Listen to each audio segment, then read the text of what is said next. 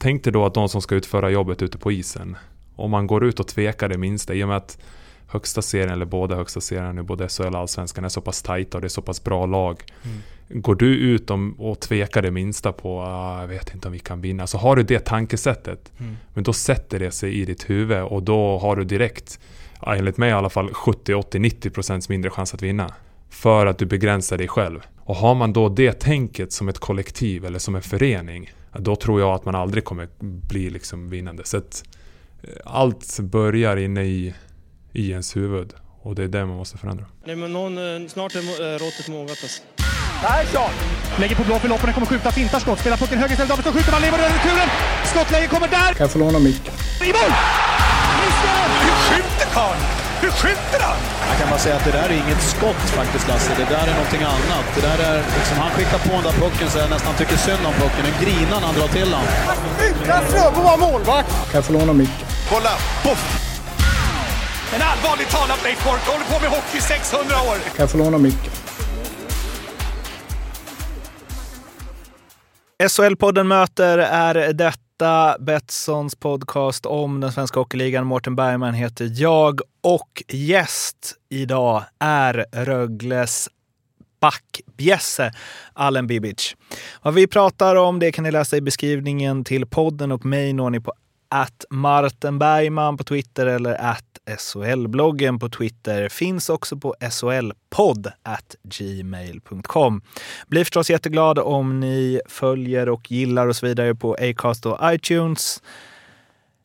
Eh, så gör gärna det. Men nu spolar vi tillbaka klockan till den 8 september. Alem Bibic. Mycket nöje. Ja, eh, så här brukar man inte börja poddar, men man ska ju variera sig och jag börjar redan nu med att varna för att det kanske ganska snart kommer låta så här för att eh, dagens gäst, Allen Bibic, väntar ett viktigt samtal.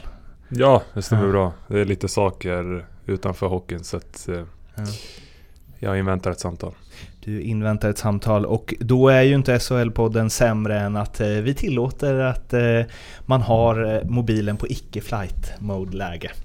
Eh, man måste ju vara anpassningsbar förstås. Du behöver väl inte anpassa dig så jävla mycket nu för tiden? Det är femte året va? Som du startar upp med Rögle? Ja, jag tror det. Jag är inte helt säker. Fjärde eller femte, något sånt. Jag, jag kom ju här i mitten utav, utav en säsong men det, det, det har samlat på sig några år här. Är det annorlunda nu mot för fyra fem år sedan? Det, det är annorlunda. Eh, så är det. Jag menar, eh, en, en förening utvecklas ju hela tiden. Eh, och likaså Rögle. Sen är det klart att, att, att föreningen här nu på, på, under det sista året har tagit krafttag. Mm. Både, både liksom runt hockeyn och runt ledar, ledarsidan och alltihop. Så att, det är klart att det, det är en skillnad där. Till det bättre va?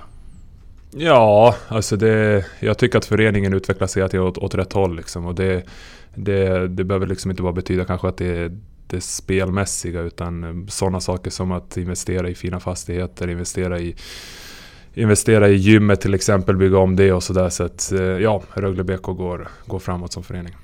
Jag läste en intervju med dig i, på sol.se eh, och och eh, fick lite, intervjuade Daniel Saar innan här. Ehm, och vi pratade lite om så här, vad, vad en klubb har var, varit och vad den har blivit. Jag drog lite paralleller till, ja, du, om någon vet ju att jag håller på Leksand. Eh, och mellan Leksand och Rögle tycker jag att det finns ganska mycket likheter efter att ha hängt med fansen här och liksom varit en del runt klubben och så de senaste åren. Um, att man är en klassisk klubb, man har mycket supportrar, det finns alltid ett stort stöd. Vilket jag, alltså, jag, i alla fall i Leksands fall har jag verkligen uppfattat det som att det också kan leda till en att man tror att det ska gå lite av sig själv. Spelare ska vilja komma hit för att vi är det vi är och har det varumärke vi har. Och att man kanske inte behöver vara lika professionell som ja, så här, Växjö, Örebro och så vidare som börjat från i princip noll och måste sköta allt svinbra. För annars har de ingen chans mm. att slå sig in i SHL. Jag håller med om det du säger. Jag tror faktiskt att man kan koppla det lite till att man eh, man som klubb när man, när man är så pass traditionell som du säger och har byggt upp allt upp runt omkring kanske blir lite, lite bekväm. Att man blir bekväm som förening och blir bekväm som klubb. Men grejen är ju den att, eh, att vår omvärld ändras hela tiden och liksom, inte minst hockeyn, jag menar det går framåt hela tiden. Och, och hänger man inte med i utvecklingen där då, då tror jag faktiskt inte att det spelar någon roll om du är en jätteklassisk klubb. Utan spelarna idag vill helt enkelt ha ett helhetskoncept. Mm. Eh, och det är det man liksom är ute efter. Och kan du inte erbjuda det, men då finns det andra klubbar som erbjuder det. Så det gäller verkligen att man kanske vidgar vyerna lite grann utifrån föreningens perspektiv och kanske kolla lite med vad måste vi göra bättre och vad är det, vad är det vissa lag gör bra liksom och varför kanske vissa spelare går till just de lagen och sådär. Man måste alltid ställa sig den frågan. Så man kan alltid dra paralleller med att man som spelare aldrig ska vara nöjd tills man lägger av. Liksom. Att man hela tiden måste utvecklas. Mm. Eh, det är samma sak med en klubb. Jag menar de, de konkurrerar om spelare där ute. Och, och utvecklas du inte så, så kommer ingen vilja komma hit helt enkelt. Mm. Nu ringer det någon snart va? Efter två samtal här i början, som ja, jag säger det här ifall det blir klurigt att klippa bort, eh, så var det ju mitt i ett svar om att eh, ja, men supportrars syn på det kanske beror på eh, liksom hur det var då. Eh, men att även ändrats från klubbhåll antar jag. Exakt, och det är det, det, är det jag liksom vill eh, som ni vet så, så har jag ändå liksom varit i Rögle nu ett tag och, och, jag är ju kanske en sån spelare som, som inte har någonting emot att tillhöra eh, så få föreningar som möjligt liksom. Men sen är det ju så att vår bransch är ju sån att får man någonting som kanske är bättre då måste folk ha förståelse för det. Eh, det finns så mycket ligor och så men också som, som jag var inne på lite grann att, att när, när en spelare inte presterar ja men då är klubben ganska snabb med att liksom nej du är inte önskvärd. Mm. Så att om, om liksom supportrarna någonstans begär att, att en spelare ska ha tålamod med att vara kvar i en klubb. Då kanske man får vända på myntet ibland och kanske inte ropa liksom sparka den spelaren direkt mm. när den kanske inte presterar bra. Så att det vill säga att det finns två sidor av myntet. Liksom. Mm. Sen så, det här är bara en, eh, vad ska man säga, en, en, jag tror att det är så här. Jag har ju inga belägg för det mer än att jag tror det. Men om så här, om du har en, eh, inom citationstecken, dålig lön för att vara en hockeyspelare och sen gör du en, bra, en väldigt, väldigt bra säsong och ditt kontrakt går ut så tänker jag att det är lättare Alltså om du då så är på en nivå som kanske motsvarar tredubbelt den lönen så det är lättare att få det i en annan klubb än i den klubben du är i. Nu, nu handlar inte allt om lön, Nej. Eh, det gör det inte. Men sen är det såklart att det finns... Nej men om en annan klubb det, kommer det in och dubblar liksom. Så är det, men ja. Eh, jag tror fortfarande att många spelare och majoriteten av spelarna inte bara tänker på lönen. Mm. Utan det är så mycket annat också. Det sociala, hur ens familj trivs och liksom allt sånt som spelar in. Mm. Så att lön, men, men sen är det klart att, att lönerna, jag menar, det är ändå marknadskrafterna som styr det. Och, och då, då blir det ju att om en annan klubb kanske erbjuder mer, ja då finns det de som kanske går efter pengar. Mm. Men jag är rätt övertygad om att de flesta spelarna eh, tar det som en helhet. Mm. Så det är klart att man kanske inte spelar för, för 90% av vad man kanske hade fått, liksom, eller 10% av vad man kanske hade fått i en annan klubb. Mm. Men jag tror liksom inte att, att det står och faller bara på, på liksom, eh, några tiondels procent ifall en spelare liksom ska byta klubb eller inte. För att man kollar faktiskt helheten. Man kollar liksom.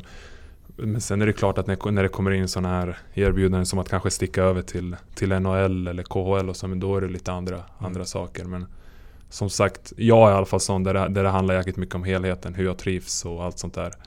Där såklart ekonomin är en faktor, men det är långt ifrån den största faktorn.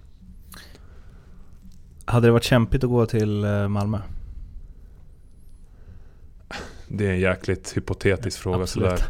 men ändå. Eh, grejen är ju den att det är klart att jag, jag har haft liksom mina år här och jag har ändå byggt upp någonting här.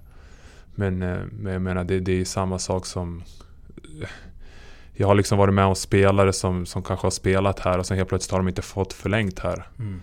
Och säg då rent hypotetiskt liksom att Malmö kanske är den klubben som ändå vill ha en. Mm. Ja men vad ska man göra liksom? Mm. Ska man säga nej och sluta spela hockey, det man älskar mest av allt? Eller liksom? Mm. Men eh, det är klart liksom, får man, får man exakt samma roll, exakt samma erbjudande från båda klubbarna så ser jag det som en, som en onödig övergång. Det gör jag ju. Hade du kunnat spela i Mora? Okej, du drog den direkt. ja, jag har nog sagt i en intervju för några år sedan där att jag inte hade kunnat spela i Mora. Okej. Då får vi hoppas att de inte slantar upp och bara helvete någon gång då. Ja, återigen, vi kommer tillbaks till det igen. Det, det handlar inte om pengar. Det gör det inte för min del. Det, Eh, en del av det som Rögles utveckling har varit då. Du sa i den här intervjun på SHL att eh, om Abbots, att jag kommer ihåg att de kom in och satte krav direkt. Det handlade om att, nu ändrar, eh, om att vi nu ändrar självbilden av Rögle. Varför, varför ska vi vara ett lag som ställer ut skridskorna? Vi ska gå ut på isen för att vinna matcher. När två ledare kommer in och ger ut den energin så smittar den av sig på alla spelare. Hur var självbilden i Rögle innan de kom in? Alltså, självbilden har ändå varit hyfsat god i Rögle. Det har den varit. Men sen är det klart att den liksom har fått sig lite törnar då och då. När man kanske liksom har kvalat och varit i det laget. Som ändå har varit liksom på gränsen mellan, mellan två stycken serier. Eh, det är ju fullt naturligt.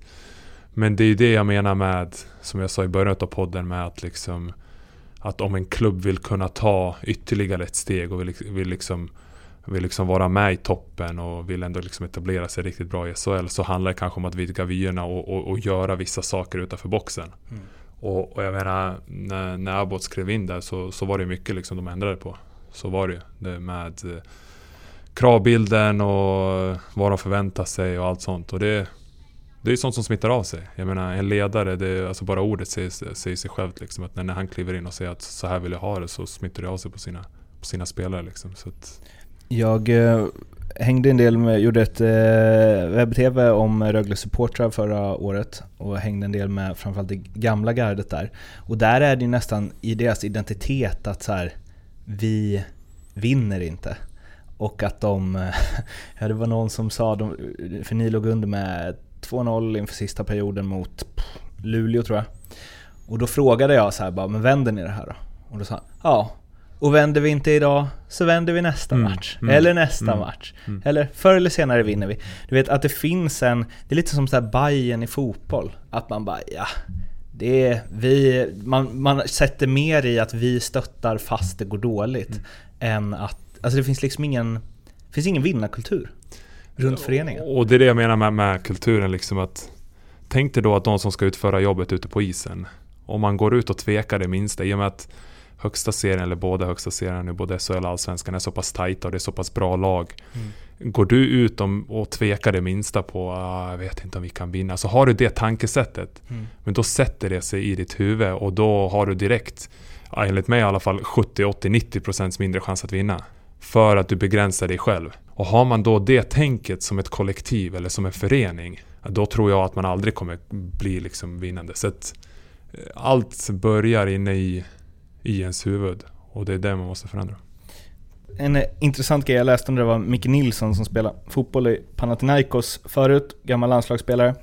Han eh, berättade att när de lottades mot eh, Atletico Madrid något år i, om det var något kval till Champions League eller Europa League eller vad det nu var, så kände han så här: oh shit, Atletico Madrid liksom, de har dem och dem och dem och liksom svårt lag kom trea i Spanien efter Real och Barcelona. Men alla hans grekiska lagkompisar bara Fan vad nice, de kör vi över. Eh, och det gjorde de också, de gick vidare från det dubbelmötet. Och då sa han så här, och det var inte för att vi hade bättre spelare. Men så här, mentaliteten där är, och det kanske ligger något i det så att de lyckades vinna ett EM också. Att de tycker att de är bäst. Mm, exakt, och, och, och det är det jag menar att Att kunna få till det kollektiva tänket Mm. i en grupp. Då kan det underlätta Alltså du kan med, med kanske ett par spelare eller liksom en trupp som kanske på förhand inte är så jättetopptippat så kan du göra underverk. Eh, Jag menar Jag kan ju bara blicka tillbaks till när vi med Leksands J20 lyckades vinna guld. Mm. Eh, Vi möter ändå i finalen så möter vi Brynäs där de hade var Markström, eh, Silverberg, eh, de hade liksom hela gänget. Det är jättemånga som bara väntade på att åka över till NHL liksom, som idag är stora stjärnor borta i NHL. Och liksom vi på pappret då kanske inte hade världens bästa lag liksom. Men Men vi hade ändå tänkt att men det här tar vi, det här fixar vi. Och vad gjorde vi? Jo, vi tog det. Så att det är det som är det charmiga med en sport. Att liksom, får man till rätt kollektivt tänk så kan man underrätta stora saker. Och det, det tror jag stenhårt på. Så att det är därför man ser jäkligt mycket det här med mental träning och sånt börjar komma in allt mer i sporten. För att alla nu för tiden är så pass vältränade och så pass maxade i styrka, snabbhet och mm. rent fysiskt helt enkelt. Men vad återstår då för att, liksom, för att skilja lagen åt? Det är huvudet mm. helt enkelt. Så att, eh. Alltså den inställningen att så här, vi är bäst, vi ska vinna, vi klarar det här. Hur mycket har den inställningen tagit dig dit du är idag? Så här är det. Sen, sen måste man ju också skilja på, vill jag säga först, att du kan inte gå runt och bara tro att du är bäst hela tiden. Nej, det, utan, det utan, ja, men exakt, men, utan att göra saker. Ja. Så att allt kommer till dagliga vanor. Att du liksom jobbar verkligen för det. Men att du sen har tänket att okej, okay, jag är förberedd för att kunna vinna den här matchen. Mm. Punkt slut. Liksom. Jag har allt för att vinna den. Men det krävs ett arbete bakom det också. Och jag menar, det är, jag tror att det ändå har tagit mig en bit. För att, som jag har sagt innan också i olika intervjuer, att det är nog många som har tvivlat på liksom hur, hur högt upp man kan nå. Eh, ända sedan eh, U16 så jag tillhörde bland annat liksom det, vi hade två lag då, AP2 och AP1 kallar vi det. Liksom. Jag tror att det tillhörde det sämre laget som det var två år eller något sånt där. Eh, kom inte in på hockeygym utan fick vara med en sommar liksom. Mm. Och sen, men liksom, då hade jag ändå ett tänk liksom att jag klarar av det här men jag måste också jobba för det. Jag måste liksom ge mig själv verktygen men sen när jag väl har verktygen så måste min hjärna kunna använda de verktygen. Mm. För du kan liksom inte jobba hårt och sen gå ut och, och vara en förlorare i din hjärna för då kommer du aldrig lyckas. Då kommer du inte använda verktygen till max. Så att jag, jag tror nog att det har hjälpt mig jäkligt mycket eh, genom, genom min karriär. Samma sak liksom att man har tagit de här stegen med Allsvenskan vidare upp till SHL och så här. Att det finns alltid folk som kanske menar på att man han håller inte där, han håller inte där liksom. Men om man själv tror på det och jobbar tillräckligt hårt för att, för att kunna underrätta de sakerna så, så finns det all möjlighet i, i hela världen. Liksom. Men eh, har du aldrig tvivlat då? När alla andra tvivlat? Inte i den utsträckningen. Eh, jag har alltid litat på att det är klart det kommer ibland om man liksom tar sig en liten funderare men om man kollar liksom till majoriteten av tiden så har jag alltid jag har förberett mig och gör det än idag väl utanför mm. matcherna så att säga. Med träning, med kost, med sömnen. Alltihop. Så att jag, jag, känner, jag, jag har alltid känt och känner ändå en viss trygghet i att jag gör rätt saker utanför banan för att förbereda mig till när, när, när pucken släpps bland annat. Då jag måste prestera helt enkelt. Då kommer jag fixa det. Så det har ändå varit en viss trygghet för mig att jag alltid har jobbat hårt och alltid vågat attackera mina egna svagheter. Eh, till exempel sådana saker som ja, men att förflytta pucken, förflytta kroppen och allt sånt. Liksom att jag räds liksom inte att erkänna okej, okay, det är en av mina svagheter och jag måste jobba på det. Och jobbar man på det, då kommer det ge, ge effekt efter tid. Så eh, det, jag menar. Jag eh, har ju aldrig spelat hockey och anser mig inte kunna så mycket om liksom det taktiska i det. Men jag måste säga till och med jag såg under, alltså jag tyckte Rögle hade bra trupper, framförallt två senaste åren är det väl, Eh, och jag har känt att så här, oh, det här skulle kunna bära någonstans. Men eh, det är också, alltså till och med jag har sett att så här, alla jobbade inte arslet av sig innan Abbots kom in. Alltså det var, fuskades lite här och var och det gleds lite och man ville spela nice i offensiv zon men kanske inte gjorde backchecken i 110 och så. Håller du med? Håller med håller med. Det enda jag kan konstatera, alltså, det enda jag kan konstatera är ju att om man gör det i den här ligan så kommer du inte vinna några matcher. För att återigen, jag, jag, alla lag och alla spelare på den här nivån är så pass vältränade. Eh, har liksom alla förutsättningar, har det som heltid, kan förbereda sig till max. Om ett lag rent kollektivt då förbereder sig bättre än det andra, men då har ju såklart det laget mycket större chans att vinna. Mm. Så är det ju. Så att, att, att ha att ha ett lag där 50% eller det räcker ens att man har 20% eller 10% passagerare och så har man kanske 80% som drar. Det, det räcker liksom inte i längden utan man måste helt enkelt få till ett kollektivt tänk där alla drar, är med och drar. Och så. Så det, eh, sen liksom hur det har varit innan och så, det, det tänker inte jag sitta här och spekulera i. Men, men jag vet att det inte funkar. Det funkar inte på den här nivån någonstans. Eh, ja men som jag sa, jag pratade med Daniel Saar innan. Han sa ju att Eh, de, gånger, de fyra gånger jag mötte Rögle förra året, att det var som... Han mötte ju två gånger när Abbott var här och två gånger innan. Han, som natt och dag. Mm. Hur ni agerade på isen och liksom sättet alla körde på. Alltså, det ligger ju något i det. Jo, men det gör det säkert. Det gör det säkert. Jag menar, det går inte att sticka under stol med heller om man kollar resultaten sen.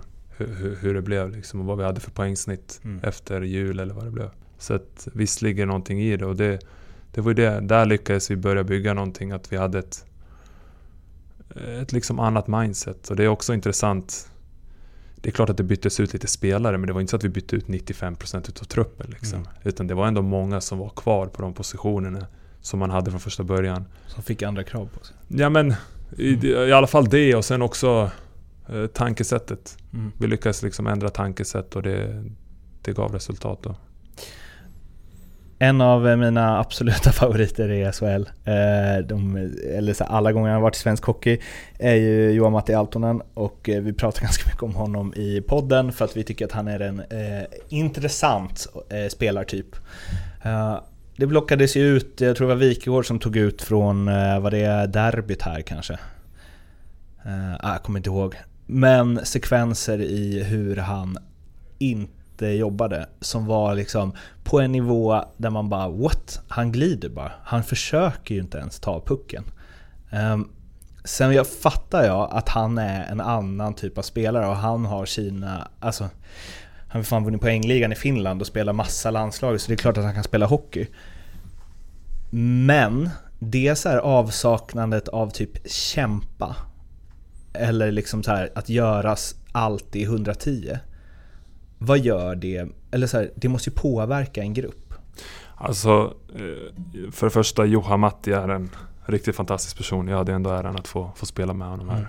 Gillar honom jättemycket som lagkamrat.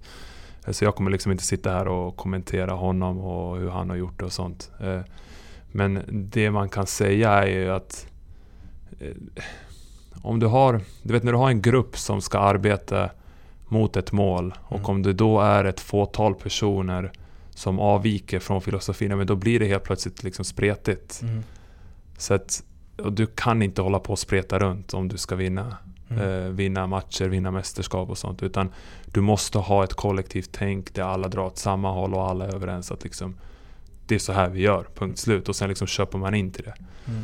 Så att, eh, och speciellt SHL, nu har inte jag spelat utomlands men man har ju hört ändå de som kanske kommer från KHL och sådär att Mm. de säger att fan vilken jävla liga alltså. Mm. För det går så pass fort. Mm. Det är extremt fort ishockey här. Och jag menar om Skellefteå kommer och dumpar i ens hörn, liksom, du måste snabbt i pucken och du måste veta vad du ska göra utav pucken. Det kanske Mm. är lite annorlunda i andra ligor. Mm.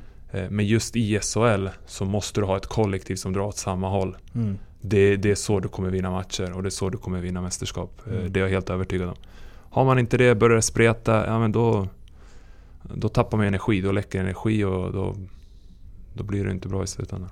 Jag känner eh, typ, eh, jag, jag tror eh, mycket på eh, ert lag i år. Jag tänker liksom Sjögren bra värvning, Sar har ju mer i sig, Höglander svinspännande, Matt Andersson om han blir frisk, Elvenäsarna liksom på heltid nu. Eh, och sen så att alla pratar så himla gott om Abbots. Det känns som att ni, eller det är så här. Ska det här nästa steget tas så känns det här som att det är ett bra år att ta det. Ja, men Chris eh, och ledarstaben har ju gjort ett, ett riktigt bra jobb med att ta in mm, olika spelartyper som, som, eh, som kan spela i olika situationer i en match liksom och göra det riktigt bra. Eh, men jag tror också att de har varit riktigt noga med att just kolla det här, liksom, vad är det för människa bakom? Och är en människa liksom, som, som kommer köpa in på våran spelidé? Och det känns ändå som, som att vi har en grupp här nu som, som är riktigt tight. Vi är ett gäng och vi vet liksom vart vi ska. Vi, vi, vi har det utstuderat och visst känns det spännande och vi har kvaliteterna, vi har verktygen i laget definitivt. Sen är det upp till oss. Jag menar, om vi ska sitta här och tro att vi har, vi har kvaliteten för att, för att vara med och slåss i, i toppen av SHL och sen gå och glida runt på, på träningarna, liksom, då kommer vi tappa det jäkligt fort. Eh, så att, jag menar, det handlar trots allt om att varje dag kunna göra det hårda jobbet. Men kvaliteten, den eh, finns definitivt i, i den här gruppen utan, utan tvekan. Ska gå över till eh, ja, enkätfrågorna kallar jag det. Det är eh, ett eh, gäng frågor som jag ställer till alla. Förutom Foppa, Sudden och Lidas, vem är Sveriges bästa hockeyspelare genom tiderna? Foppa, Sudden och Lidas. Jag får alltså inte plocka de tre. Nej. Alltså jag har ändå sett lite klipp på min gamla tränare Eldebrink. Jag tror nog att han var jäkligt duktig på sin tid. Får välja honom. Oj, oj, Jag tror faktiskt att han ligger där i toppen. Ja. Eh, förutom Wayne Gretzky och Mario Lemieux, vem är världens bästa spelare genom tiderna?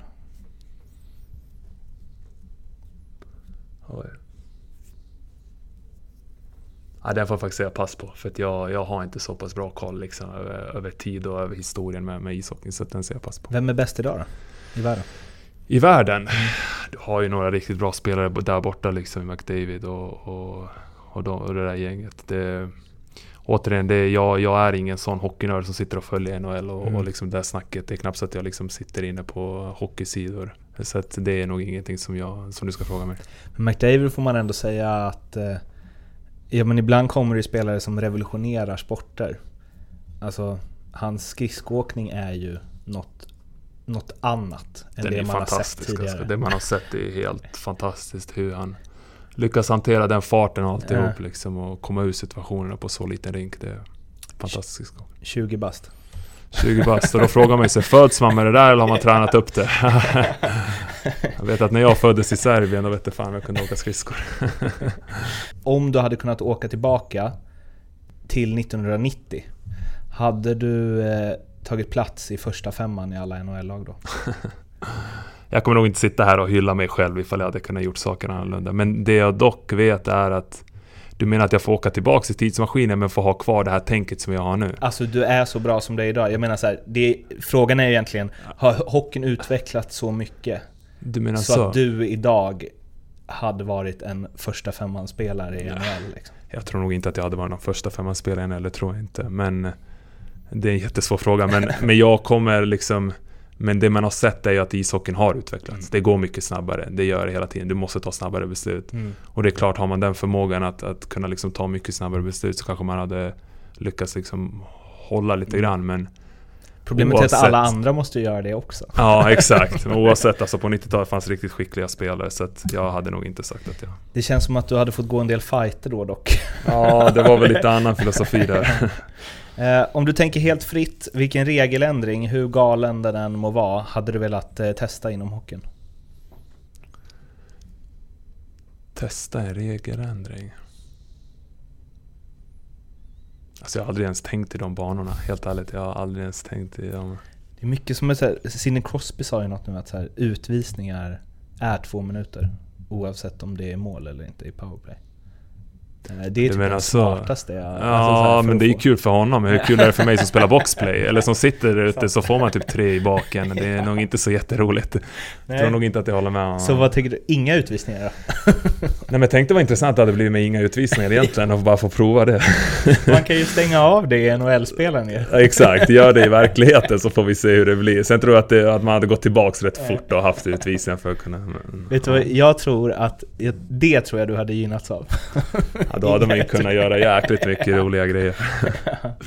Vem är den bästa spelaren som du spelat med? Och då kanske, det behöver inte vara den med störst namn liksom, utan den som du där och då tycker är den bästa spelaren du varit i samma lag som.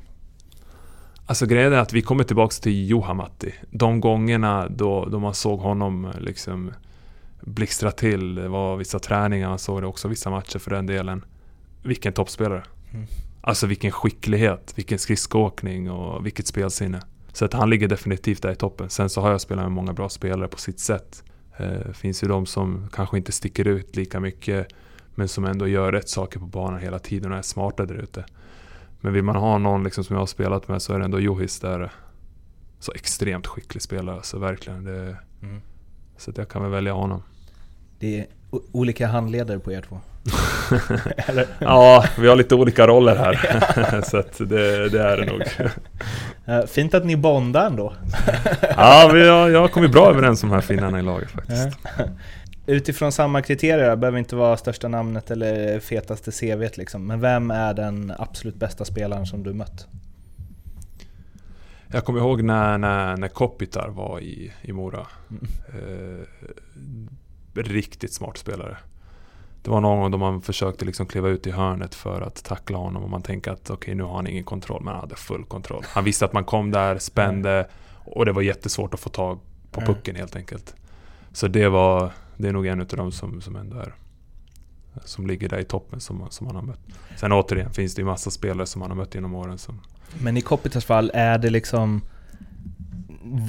Vet du inte riktigt hur... Alltså blir det så här, hur ska jag komma åt honom? Man, nej, så, så brukar jag aldrig tänka. Utan jag tänker mer liksom att okej, okay, nu funkar det inte att man kanske kunde tackla honom i det läget. Jag får gå in ännu hårdare i nästa mm. situation. Liksom. Eh, sen så... Nu ifall man går tillbaka så finns det ju andra spel. Jag menar, jag mötte Erik Karlsson under juniortiden också mm. när han spelade i Frölunda eh, under någon match där. Och det såg man också vilken skicklighet det var. Vilken, mm. vilken lirare. Så det är några stycken även under, ja, under mina juniorår som, som nu spelar bort i NHL. Mm. Så att, ja. um, den bästa tränaren du har haft? Den bästa tränaren jag har haft?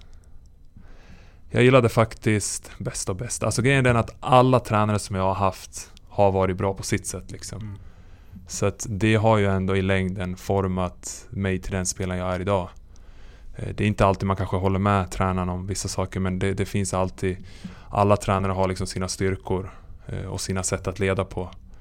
Så att, liksom att jag ska sitta här och säga vem som har varit bäst eller vem som har varit sämst. Jag, jag har liksom ingen sån, ingen sån lista. Mm. Men det jag kan säga är att alla tränare ändå har påverkat mig och liksom gjort mig till den spelaren som jag är idag. Sen finns det vissa som kanske liksom har, har, har hjälpt mig på ena planet och så finns det andra som kanske har hjälpt mig på det andra planet. Så att alla tränare har ändå, har ändå liksom lyckats forma mig till den spelaren jag är idag. Ehm, den bästa lagkamrat du haft och då liksom kanske inte så här utifrån vem som är din bästa vän, även om du får ta det också, men hur du tycker att så här, en sån här spelare... Min bror. Ja, jag visste att du skulle säga det. Ska alla lag ha i ett omklädningsrum? Det här är en, liksom om du ska skapa ett lag och sen ska du ta en spelare först för så här, det kommer bli de kommer vara motiverade, det kommer vara bra stämning, kommer, han kommer aldrig vika ner sig, han kommer leda lag. Den här, sån här behövs. Alltså nu, nu har jag ju spelat med, med Taylor Mattsson här i, mm. i nästan fem år. Eh, han kom ungefär samtidigt som jag gjorde till Rögle. Och där har du en, en fantastisk person mm. som jag alla dagar i veckan hade haft i ett lag. För det första så är han en riktigt bra hockeyspelare, men för det andra så kommer han varje dag till jobbet och tävlar. Hela tiden. Mm. Han tar liksom ingenting för givet. Samma sak var, varje sommar så, som vi har tränat ihop, flyttar gränser hela tiden. Eh, och köper in hela tiden. Så att jag menar, det är ändå en spelare som, och en personlighet som jag definitivt hade, hade haft i ett, i ett lag. Men först och främst brorsan? Almen är på en, första plats. Ja. eh, har du blivit starstruck inom hockey någon gång? Nej. Och jag menar det där kommer nog tillbaks till att jag nog inte är... Jag är ett fan utav hockey, jag älskar att spela hockey, det gör jag. Men jag är nog inte den där typiska killen som kanske hänger på Elite Prospect och kollar alla, alla stats liksom så. så att jag... Ehm, nej, det, det, har jag inte blivit. Jag tror att det kommer... Det är nog svårt för mig att bli också. Vilken eh, atlet, får man väl kalla det, idrottare från en annan sport är du mest imponerad av? Det är ändå Zlatan. Det är honom som man har haft som, som förebild. Så, eh, kollar man till, till hans resa och det han ändå har lyckats åstadkomma från, från lilla Sverige med den bakgrunden så är det någonting helt... Alltså det, det är någonting unikt. Så att eh, det är verkligen en, en människa och en, och en atlet som man, som man ser upp till. Det är. Vilken egenskap som hockeyspelare är din bästa? Men det är nog det här att jag, att jag, att jag varje dag i den största mån försöker komma till jobbet. Liksom. Att även ifall jag har några, några sämre dagar rent spelmässigt så försöker jag ändå liksom göra mitt jobb. För att liksom gruppen ska kunna dra nytta av mina kvaliteter så mycket som möjligt trots att man kanske har en dålig dag. Mm.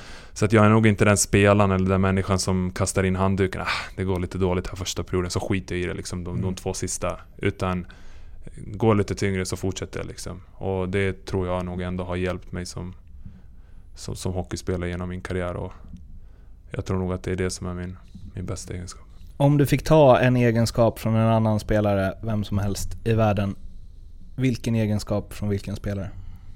McDavid skridskoåkning. Behöver inte dra längre.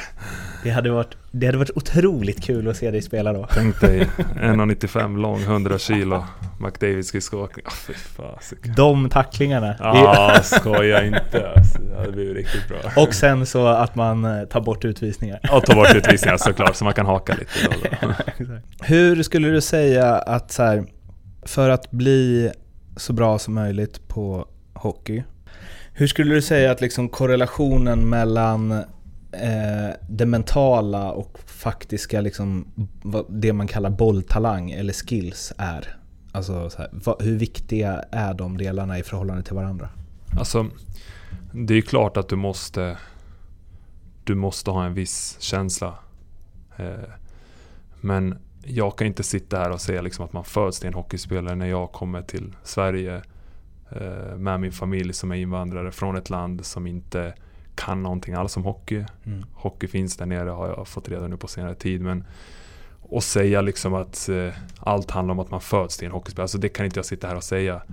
Eh, jag tror att mycket handlar om att mycket handlar om huvudet. Alltså hur, hur vill, alltså är du villig att lägga ner den tiden som krävs för att bli en hockeyspelare? Sen är det klart att det finns fall då folk har haft otur med skador i kritiska lägen under junioråren och sådär som kanske inte liksom har lyckats komma upp i A-lag och, och så vidare. Eh, Så att lite tur ska man också ha. Men jag tror att du kan kontrollera jäkligt mycket eh, själv genom att förbereda dig återigen, göra rätt saker och träna varje dag. Mm. Men då måste man ju också vara villig att ge upp andra saker. Mm. För jag menar, livet erbjuder så mycket roliga saker. Och då kanske du måste ta någon timme från, vad vet jag, den där utekvällen med polarna eller vad det än är. För att kanske stå och nöta någonting som du är dålig på. Kanske inte alltid är det roligaste men så att jag tror att eh, visst, lite talang måste du ändå ha, lite känsla måste du ha. Men jag tror att du kan jobba upp extremt mycket. Mm. Det, det kan du göra, det, det tror jag på. Jag pratade med Frippe Händemark om det. Att, så här, att han har fått kämpa så himla mycket liksom och verkligen så här, krigat och krigat och krigat för att komma dit jag är idag. Eh, och eh, sen så finns det, jag gjorde en lång intervju med Mattias Rittola som också så här sa, han, han sa ju så här att jag insåg det här med träning för sent. Men, han, men när han var 15-16 så han var jag var alltid med i pojklandslaget, alltid med varför skulle jag träna mer? Det var ju ändå en av de bästa hela tiden liksom. Och, och, var, och då sa, när jag pratade med Hennemark så sa han det, han bara, och sen finns det ju spelare som Filip Forsberg, som har allt som Rittola har, men också tränar hårdast av alla. Exakt. Och då blir man en topp 20 forward i världen. Exakt, och, och det, det är så det ligger till. Eh, och det är samma sak som när man själv var junior. Eh, då var man ju aldrig någon, den där råtalangen. Det var liksom ingen som bara ah, Bibic kommer att spela i SHL om ett antal år. Alltså, det var ingen som tänkte den tanken. Mm. Medan det var andra spelare som fick åka på vad kallades för russinläger Ja. tror jag. Och så var det landslag här och så var det landslag där. Ja. De spelarna kanske inte ens spelar hockey idag liksom. Mm. Så att du, har du talangen som Rittola säger och kan liksom förvalta den genom att träna hårt och träna extra, definitivt, då kan det bli riktigt bra. Men att bara ha liksom talangen och tro att man ska... Du kan säkert eh, hålla ut under en kort period, ett år, två Mm. år. Men i längden så slås du ut. Du kommer Mm. slås ut alltså garanterat om du inte kan, kan det här med att träna och ta tillvara på det. Kan du bli lack när du ser spelare med sjukt stor talang som inte ger allt? Eller gör allt för att bli så bra som möjligt? Om du själv säger att du kanske inte hade liksom så mycket gratis. Jag kan nog inte bli lack. Jag kan mer tycka att, att det är synd, den människan. För jag vet att jag vet att den människan säkert kommer då sitta om en, vad vet jag, 15-20 år och kanske känna att fan, det enda som egentligen krävdes utav mig var att jag skulle ha tagit tillvara på min talang liksom. Mm. Så att det, det är nog mer det, att jag kan tycka synd om de spelarna. Men jag, jag blir inte lack. Jag menar, alla får ju styra sina egna beslut och hur man tänker så. Men jag tror att liksom har man, har man de här möjligheterna som vi har så borde man ta tillvara på dem. För att det är inte många som får de här chanserna faktiskt. När tycker du att du var som bäst i karriären? Så det far. har inte kommit än. Nej men, nej, okej, nej, precis. Men när har du varit det hittills då? När jag har varit det Ja. så far. Jag tycker ändå att min, min föregående säsong eh, var bra. Då, hur nära är du, var du ditt max då? Hur mycket mer finns det? Ja, grejen är den att jag har inte något max. Alltså jag kanske har ett max för idag. Men det är det som träning är till för. Att Mm. man ska vara på sitt max för att kunna skjuta max. Mm. Så att jag menar liksom för att kunna skjuta på det där taket hela tiden. Mm. Så att, att jag ska sitta här och se hur nära jag är mitt max. Jag försöker vara nära mitt max varenda träning. I Mm. saker som jag gör. Jag försöker utmana mig hela Jag tiden. tänker din maxpotential. Så bra som du tror att du kan bli. Men det, det är också en hypotetisk fråga. Alltså, Men jag, hur, inte, hur bra tro, tror du att du kan... eh, jag, alltså- tror att, jag tror att jag kan bli mycket bättre än vad jag är nu. Jag tror inte, utan jag vet att jag, att jag Mm. kan bli mycket bättre. Om jag gör rätt saker där ute på banan, dag in och dag ut. Tror du du har potential att spela i NHL? Alltså jag kommer, jag kommer inte sitta här och liksom säga om att spela i NHL och sådär. Eh, Man, man var ändå 26-27 bast. Men jag tror definitivt att jag har potential för att ta, ta ytterligare ett steg. Det tror jag. Sen om det betyder NHL eller om det betyder liksom att kanske lira i någon utlandsliga eller något sånt. Tror jag definitivt. Hur För att många... annars så måste jag bara tillägga. Vad, alltså varför ska jag annars spela ishockey?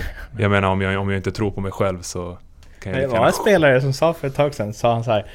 Ah, förut så trä- fast han är i och för sig 35, men då sa han så här. Förut tränade jag för att bli bättre, nu tränar jag för att hålla ihop. Det är det, alltså, och, och så kommer nog jag aldrig tänka. Nej. Trots ifall jag kanske blir typ 34, 35, Nej. 36. För att börjar man ha det tänket, nu är det förståeligt om en människa kanske är äldre såklart. Men kommer Men- du lägga av istället då? Om ja, det kommer jag göra. För att jag menar, börjar du ha det tänket, antingen så kommer jag lägga av eller så kommer jag bli tvungen att lägga av. Mm. För du kommer alltid ha spelare underifrån som hela tiden vill bli bättre. Mm. Och, och ska jag liksom sitta lugnt i båten, bara "Äh, nu är jag 28, 29, 30 här, jag ska bara bibehålla saker. Nej, du måste utvecklas hela tiden. Och det är därför som jag hela tiden strävar efter att utvecklas. Hur eh, många, ja, för att koppla tillbaka till det förut, hur många procent talang versus hårt arbete är du? Mm, 95% hårt arbete kan jag Är det säga. så? Ja, det är det definitivt. Att jag är någon stor talang i, i, i någon bollsport eller att jag har någon känsla eller någonting, nej. Utan jag har, jag har jobbat mig till det mesta, skulle jag vilja säga. Du är inte eh, så här, pingis och sånt, du är inte vass på det liksom? Alltså jag kommer ju slå dig på pingis, det kommer jag göra. Men det är för att jag har tränat upp det genom åren. Eh, om, eh, om du med den erfarenhet du har av hockeyvärlden idag fick ge Allen 15 bast ett tips, vad hade du sagt då? Jag hade nog sagt att jag kanske skulle ha tagit för mig eh, mycket mer i den åldern. Och tränat lite annorlunda på vissa saker. Jag har alltid tränat hårt och sådär men det blir ju liksom att med träning och ju äldre du blir desto mer känner du din kropp. Mm. Eh, så att eh, bland annat liksom kanske tränat ännu mer skridskoåkning. Det gjorde jag redan då men kanske liksom bara kört skridskoåkning, att det är det som gäller. Men tog för dig? Du känns som en person som tar för dig. Gjorde du inte det då? jag, jag, nog, jag tog nog för mig, för jag tror nog att jag kan ta för mig ännu mer ute på banan. Kanske göra liksom vissa saker, lite grann utanför boxen. När man är 15 bast. Att man kanske liksom känner att jag kanske vill utvecklas på det och så liksom försöker man göra det. Sen har min, en av mina starka sidor varit hela tiden att jag alltid har liksom följt gameplanen, lyssnat på tränarna. Säger tränaren sarg ut, men då lägger jag sarg ut. Men att kanske ibland, man har ju sett liksom de som verkligen har blivit riktigt, riktigt, riktigt bra har ju lyckats med den konsten att liksom hitta den balansen. Att ibland kanske liksom tänja på gränserna och sen även spela jäkligt stabilt. Så att, eh, det är väl det. Det där är också spännande på tal om Filip, för det sa Händemark om honom också. Han var, tränarna sa alltid så här, dribbla inte så mycket. Men han bara fortsatte dribbla. Men det är det jag menar och jag tror nog att det gäller samma sak eh, som en sån som typ Erik Karlsson. Säkert många som kanske har sagt till honom bara Du kan inte lägga den där flippassen. Men så gör han det. Och jag menar Det är klart man kanske inte alltid ska göra det, det beror på vad man är för spelartyp. Men till slut kommer han lyckas. Och när han väl lyckas, då blir det highlight-video och exakt. hit och dit och då blir det jäkligt fint. Så att, ja, det är väl det liksom att ändå våga misslyckas och våga kanske vara närmare, liksom träna på, på sina svagheter ännu mer. Vem har eh, betytt mest för din karriär? Mm, Det är nog min familj. Eh, eh, Det är klart att min bror har betytt jättemycket för mig i och med att vi är där i samma bransch och, och, och förstår varandra på det sättet. Sen så har ju min, min mamma och pappa ändå också delat med sig av deras erfarenheter kring livet och vad det innebär och eh, mycket liksom hur, hur man ska tänka. Eh, eh, Bara en sån sak liksom att mina föräldrar tar ett beslut att, att fly sitt land, liksom fly den tryggheten till någonstans där de liksom inte känner igen någonting alls. Jag menar, det kräver ett visst mindset. Och då liksom sätter du det i jämförelse med att jag ska kliva ut och spela en ishockeymatch. Det är ganska, alltså det är så stora kontraster. Och då har de hjälpt mig jäkligt mycket liksom med att förstå allvaret som de har varit i och så kanske liksom att det var det här som krävdes för oss, till, alltså för dem då att liksom så här kom vi in i samhället. Eh, det handlar om hårt jobb, vad du än gör, eh, så, så liksom gör det till 100%. Så de har betytt jättemycket för mig, inte bara, inte bara i karriären utan som människa också. Eh, det är därför jag bland annat liksom försöker göra det här med, med skolan vid sidan om och liksom pluggar högskolenivå och så. För att de, får en, alltså de påminner alltid en om att hur bra man har det här. Mm. Och det är någonting som jag påminns om varje dag. Så att jag tar liksom ingenting för givet utan jag försöker ta alla chanser som jag har. Mm. Så att jag kan sitta sen när jag är äldre och bara känna att okej, okay, jag gjorde verkligen allt jag kunde i livet för att maxa min potential på alla plan. Va, vad pluggar du? Eh, ekonomi. Det där, det där tycker jag är intressant just med, med eh, din brorsa. För eh, det här blir också lite så här hypotetiskt men finns och jag vet redan svaret på den här frågan, men jag frågar ändå. Men så här, det finns, om han hade bara boom och blivit världens bästa back och du hade liksom så skadat knät och fått gå ner lira något bottenlag i Allsvenskan och hållit på. Hade det ändå bara varit 110 kärlek? Jag hade varit mer än stolt över att min bror hade nått så långt. Mm. För att det är, nu vet inte om det har med vår kultur att göra, det jag kommer ifrån eller våra föräldrar eller uppfostran. Men eh, inom familjen så, så gläds vi åt varandras framgång. Eh, men jag är, det har även smittat av sig till att om jag kanske ser en lagkamrat göra det bra eller om jag ser en annan människa ute på gatan ha det riktigt, riktigt fint. Liksom, att jag inte kan känna så här, men fan vad avundsjuk jag är. Mm. Utan jag kommer känna, snyggt, riktigt snyggt jobbat. Mm. Och sen är det upp till mig, liksom, vill jag nå till den nivån som den människan kanske har nått till så får jag jobba hårt. För uppenbarligen så kan man nå till den nivån i det här landet. Mm. Så att, liksom att det går nog igenom mig som person att, att jag skulle känna någon slags här vad vet jag, att jag är avundsjuk eller något sånt där. Nej, det hade varit mer än stolt. Som du uppfattar det, vad är den största eh, allmänna missuppfattningen bland folk generellt om hur livet som professionell hockeyspelare är? Alltså, jag tror ändå att man, när man sitter och, eller kollar på, på professionell idrott, det kan vara fotboll, hockey, vad som helst.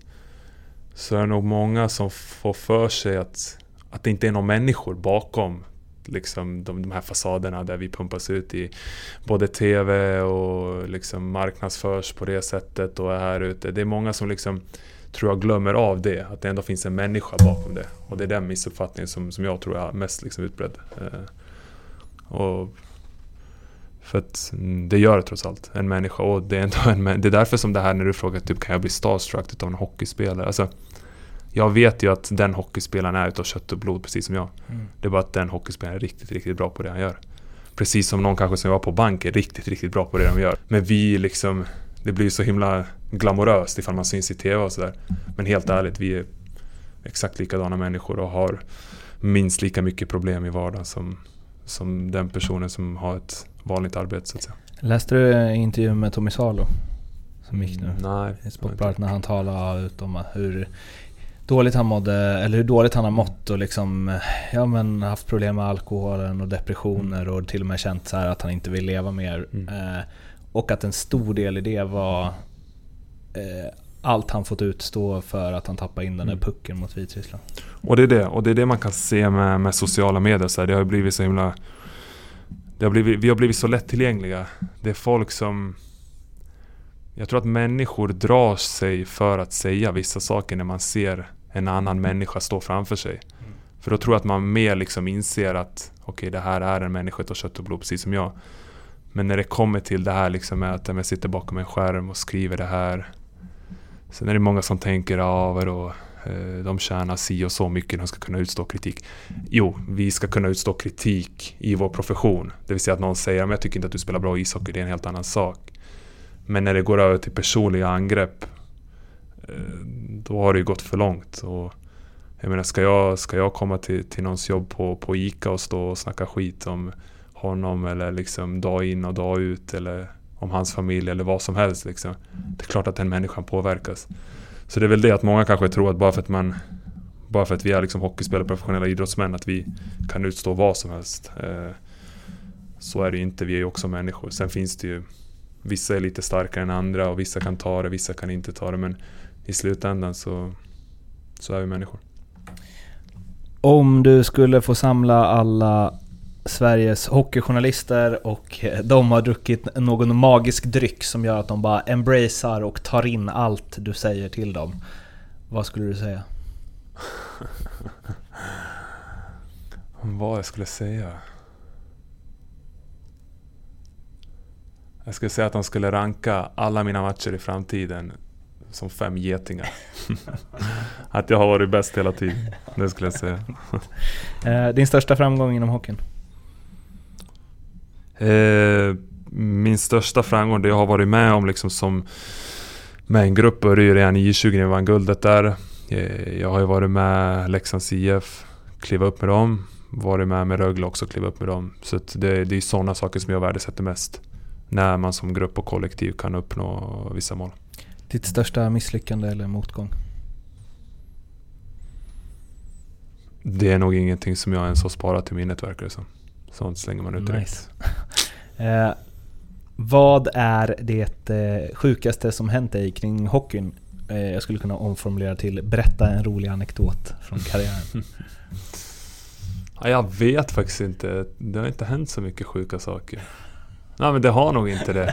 Sen kanske det har hänt vissa saker inom ett omklädningsrum som är för sjuka för att sitta här och prata om. Men om det är någonting som är så här på mellannivå som jag kan sitta här och prata om, det, nej det har nog inte, det har nog inte hänt. Okej. Vi får spela in det i efterhand i sådana fall, om du kommer på något. Om du helt och hållet fick eh, drömma dig bort och eh, regissera din sista match i karriären. Det behöver inte finnas någon realism här. Hur låter det? Hur gammal är du? Var spelar du? Vad händer i den matchen? Det behöver inte finnas det. Alltså, om det inte behöver finnas en real- realism så är det klart att, vadå, att man kanske en, en, har haft en lång karriär först och främst. Det vill nog allihopa ha. Kanske är 40-41 bast och står där och vinner liksom Stanley Cup. Alltså, det tror jag nog alla spelare hade svarat på. Det är ändå världens bästa ishockeyliga och det är klart att man vill vinna den. Så att svarar man inte det då, då vill man nog inte nå så högt upp som möjligt. Slutligen, sista frågan. Vilken SHL-spelare tycker du jag borde intervjua i den här podcasten? Har du intervjuat brorsan eller? Mm, du har Gör det. intervjuat brorsan alltså. Minst först vet du. eller hur? Alltså vi har ju pratat om Johan Matti här. Mm. Och upp till Skellefteå så tar det ett snack med honom. Tror du att det kan bli något av det eller? Jag, jag känner att han eh, kanske kommer att vara tyst Mikael. Ja, jag vet inte. Det, men då, får, då blir det lite utmaning för dig också. Ja. Kanske att få honom att prata om vissa Men- saker. Men då kanske jag, eh, då kanske jag slår dig en signal innan så kan du väl åtminstone lägga in ett gott ord eller något. Jag tror inte att han kommer lyssna på mig heller. Det är en skön profil som nog inte lyssnar på dig. Du Allen, tusen tack för att du ville vara med. Tack så mycket.